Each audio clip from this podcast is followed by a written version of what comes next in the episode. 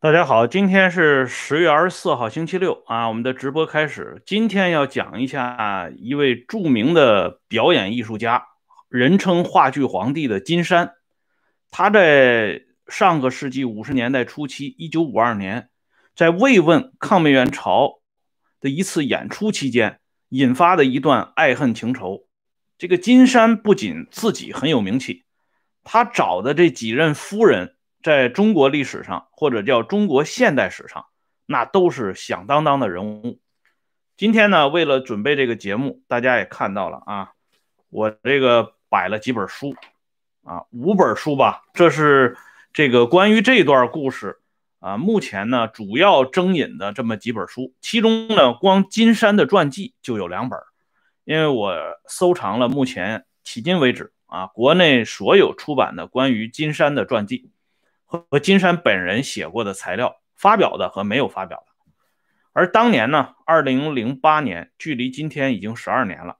这个二零零八年时候呢，我曾经出版了这么一本书，叫《开国元勋相间集：毛泽东与战友们》。这本书的第一篇就是介绍孙维世这个事件，啊，用的题目是孙维世的父亲当年留下的那首诗。莫将雪恨付秋风。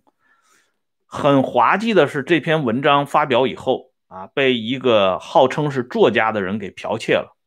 他剽窃之后呢，还发表在这个同舟共进的杂杂志上，而且后来呢，还恬不知耻的啊，出版了孙维世的传记。啊，你剽窃就剽窃了，他呢，还居然大张旗鼓的给自己啊撞门面。所以今天借这个机会呢，也把这件事情简单的说一下。那么现在呢，我们就来讲一下这个金山啊，他之之所以有名，全然是因为他最后的这任妻子孙维世啊。孙维世大家知道，人送外号大小姐，在延安时期演的一部剧里边扮演大小姐，于是呢，这个外号不胫而走。他在中央高层这些领导人。身边长大，与这些高层领导人之间有着千丝万缕的联系，啊，正因为这样，这个人的地位和影响就显得格外的突出。而金山和这样一个人走到一起之前呢，还有这么一段曲折的故事。这个故事呢，不是别人透露的，是金山当时的妻子，另外一位著名的演员张瑞芳。在他晚年的回忆录里边给我们大家讲述的，因为当时呢正在拍摄一位啊拍摄一部啊后来让金山啊在一九四九年以后名声大噪的话剧，就是《保尔柯察金》这部话剧，而金山呢在里边扮演保尔，而这个孙维世呢是这部话剧的导演，张瑞芳呢扮演东尼亚。就在导演这部话剧的过程当中，金山和孙维世两个人的感情上碰撞出火花，哎，这样呢，最终两个人决定走到一起。在这件事啊发生的过程当中，这个金山呢可以说是一个老手啊。这个金山这个人，我们这里简单介绍一下，他是周恩来当年放在杜月笙身边的两个最重要的。卧底之一，一个呢是周恩来的弟弟，一个呢是金山。金山这个人的面目隐藏到什么程度呢？他在重庆期间啊，曾经见过孙维世，后来也见过啊，后来在别的地方的时候呢，也见过孙维世。他清楚孙维世的身份，但是孙维世不了解他的身份，甚至孙维世。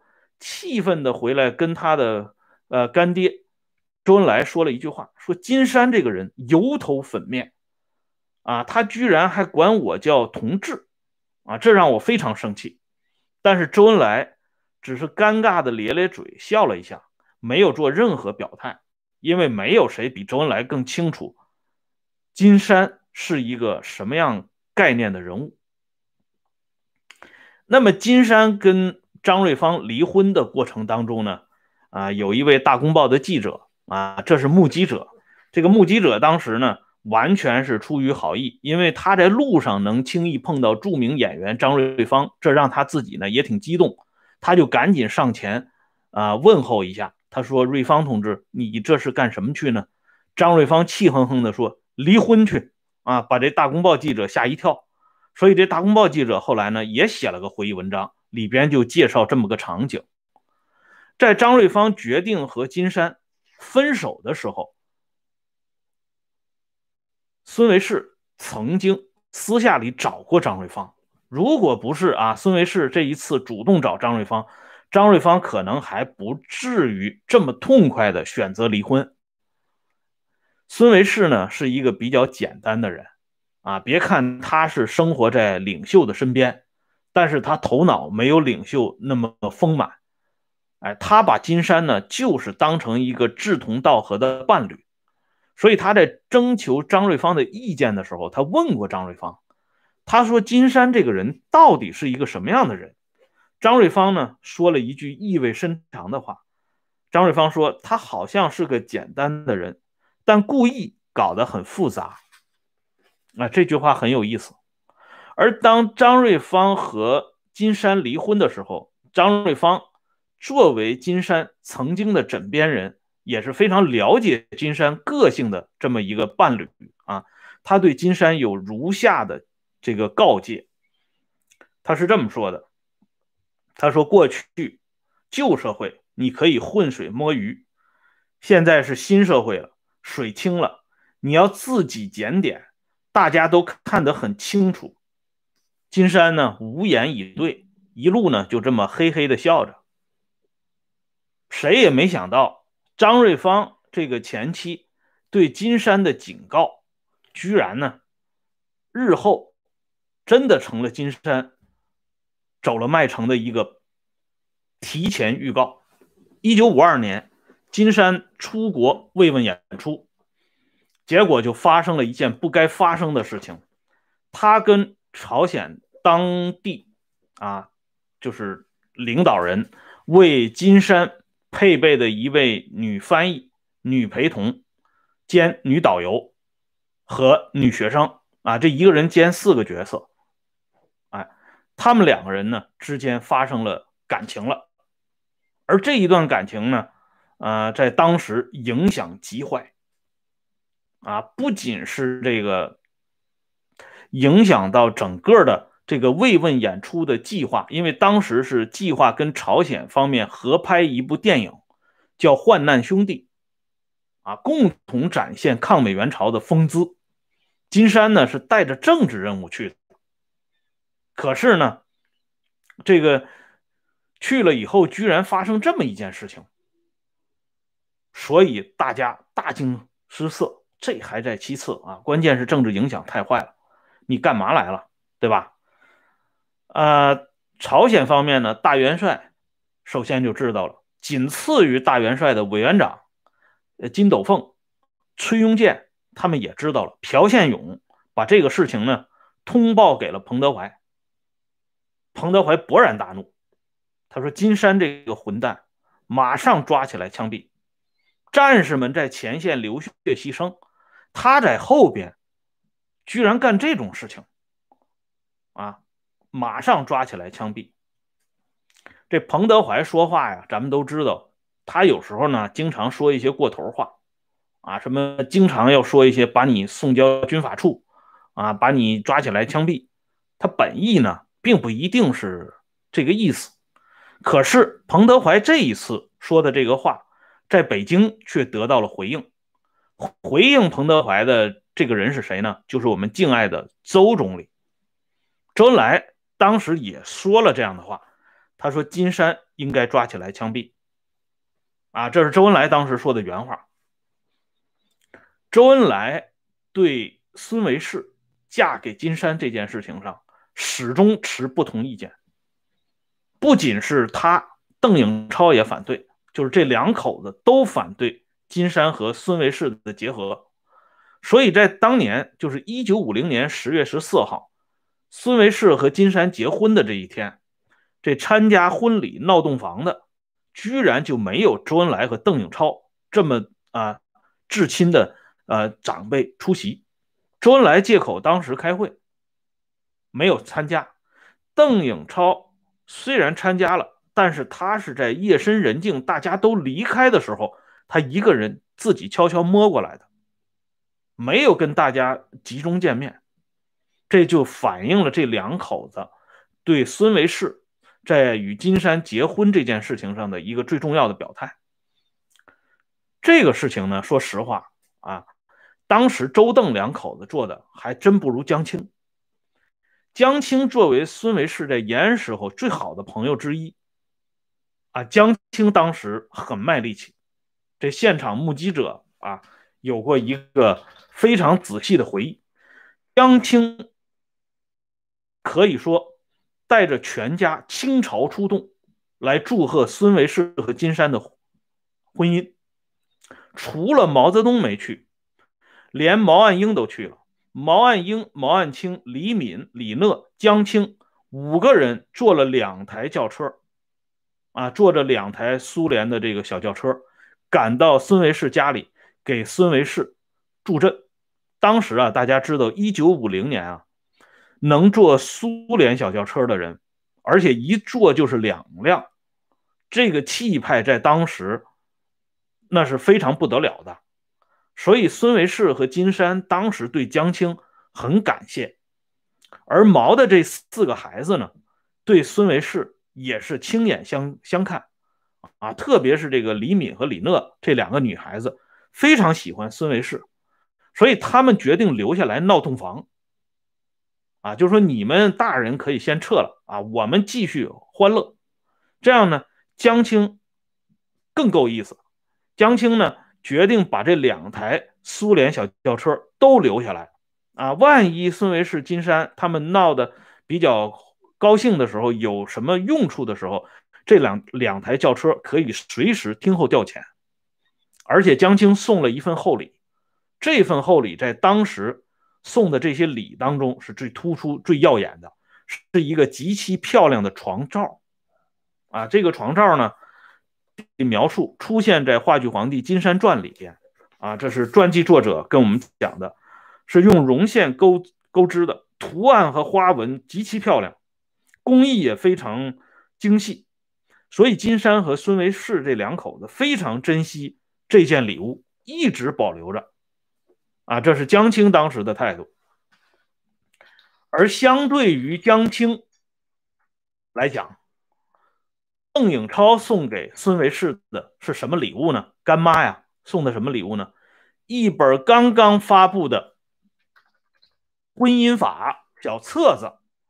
邓颖超告诉孙维世，其实是告诉金山，警告金山，现在国家颁布了婚姻法，一切都要按照法律来办事儿。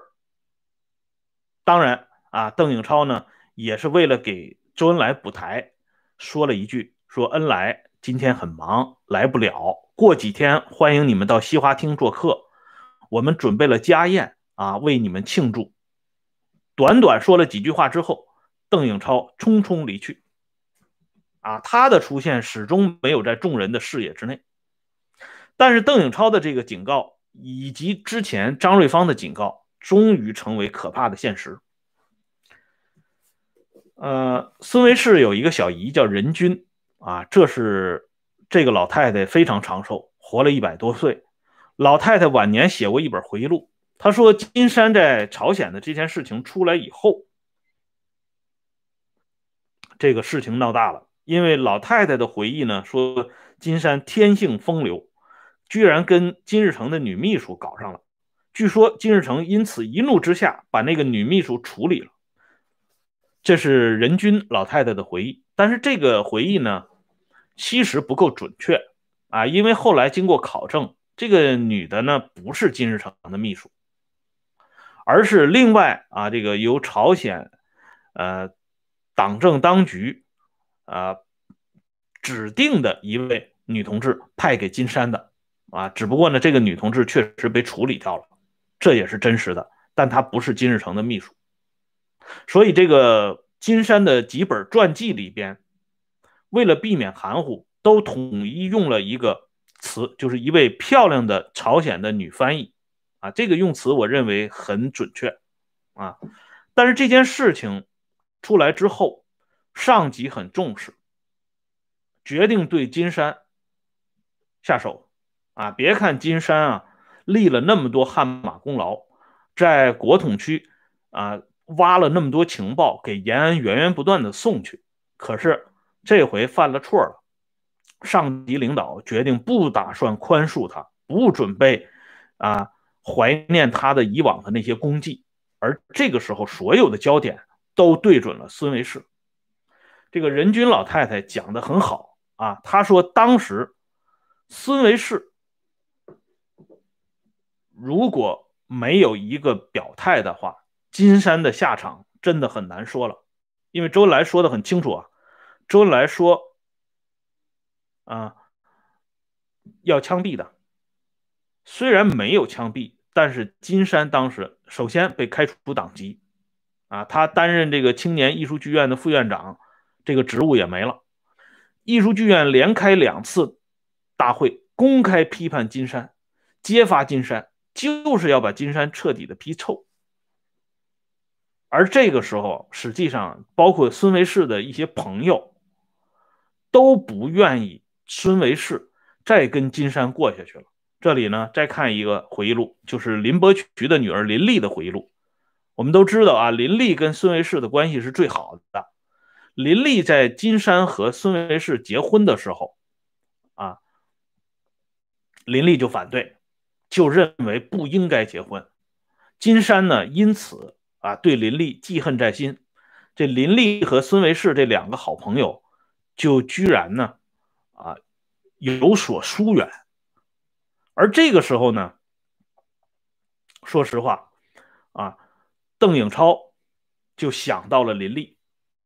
据林立自己回忆，邓颖超当时告诉林立说：“凭着你跟韦氏的关系，希望你劝阻啊韦氏，让他呢回到党的路线上边来。”哎。就是这个意思。所谓的回到党的路线上边来，其实就是委婉的转达周恩来和邓颖超两个人的意见，就是让孙维世和金山离婚，就这么简单。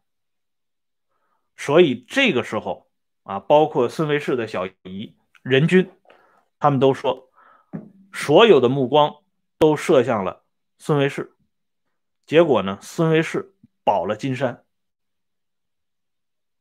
他说：“金山受到的处分已经足够了，党籍公职都保不住了，给他下到北京石景山发电厂去当一名普通的工人，这对金山来讲教训已经足够了。我们不能一棍子打死啊！主席不是讲过吗？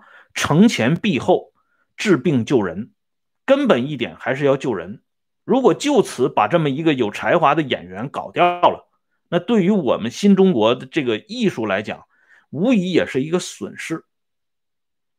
当时周恩来托人最后一次征求孙维世的意见，孙维世呢还是坚持以上的看法，就是孙维世不跟金山离婚。这样呢，最后邓颖超出马。邓颖超直接出马了，去找孙维世，就问了一句话，没头没尾的一句话，啊，性质定了吗？就这么一句话，要不说这两口子啊，真的很厉害，一般人根本听不懂他问这句话是什么意思啊。那个孙维世呢，因为长期在他们身边一句话马上就听懂了。孙维世也接了一句没头没尾的话，定了是生活作风问题。这样呢，邓颖超再也没有说第二句话，转身就走了。这实际上就是看孙维世最后的口风，你是留这个人还是不留这个人？那最后呢，孙维世还是要留这个人。而大家呢所熟知的啊，包括这个任君的回忆，说是孙维世。保了金山没错，但是大家不知道的还有另外一个重要人物保了金山，这个人是谁呢？就是当时大权在握的公安部部长罗瑞卿。罗瑞卿、孙维世两个人保了金山，金山最终才保住了人头。啊，人均不讲吗？如果孙维世不出面，金山的下场就很难说了。确实如此。罗瑞卿保金山有一句名言：罗瑞卿说，不要再查金山了，也不要再整他了。如果再整他，台湾都要出来说话了。这句话是说给谁听的呢？说给周恩来听的。周恩来马上就听懂了，于是呢，下令驻守。这个事儿呢，就放下了。罗瑞卿的这话说的也很艺术。为什么他说台湾要出来说话呢？因为金山是当年放在国民党身边的一个重要卧底，这样一个人直风沐雨几十年如一日，为共产党出生入死，传递情报，结果你们卸磨杀驴，用这么一件事情把这个人彻底的搞死。这种事情传到台湾那里，人家就可以当一个反面教材出来讲。那么以后谁还替我们卖命呢？所以周恩来听懂了，于是叫停。金山呢逃过一劫，但是金山开除党籍了，这个人实际上已经就是被组织上抛弃了。为了让他重新获得新的政治生命，孙维世找了当时文艺界的最高领导人，向他提出一个要求。说金山呢已经这么多年改过自新了，能不能让他重新回到组织的队伍当中来？这文艺界的最高领导人不得不批准。到了晚年，这位领导人对他身边的人说：“当时孙维世找我，啊，大小姐找我，我不能不同意。即使不看总理的面子，他指了指上边，他说也要看上边的面子。”这个上边是谁啊？相信将来这个编撰《毛泽东选集》第六卷的同志们会告诉大家。好了，今天呢，关于金山去抗美援朝的这么一段故事呢，就给大家说到这里。感谢朋友们上来支持和收看。那么明天咱们这个抗美援朝的系列还有一篇收尾，就是谈一谈那碗著名的啊。我就不说了，卖个关子。我相信懂的朋友应该知道这是什么意思。